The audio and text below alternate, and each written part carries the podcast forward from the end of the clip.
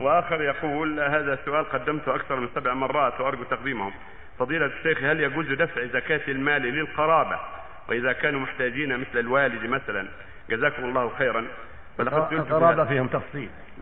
إذا كان قرابة إخوة أو أخوال أو أعمام أو بني عم وهم فقراء يعطوا من الزكاة. أما الوالد والوالدة وأولادك لا. أولادك وأبوك وأمك تعطيهم من مالك غير الزكاة. ذكر ابن المنذر إجماع أهل العلم على هذا. فأبوك وأمك وأولادك تعطيهم من غير الزكاة. أما إخوتك إذا كانوا فقراء خواتك اللي ما هم عندك وليسوا عند أزواج ينفقون عليهم يعطون من الزكاة. عماتك خالاتك بنو عمك بنو خالك كلهم إذا كانوا فقراء يعطون. صدقة وصلة جميع نعم.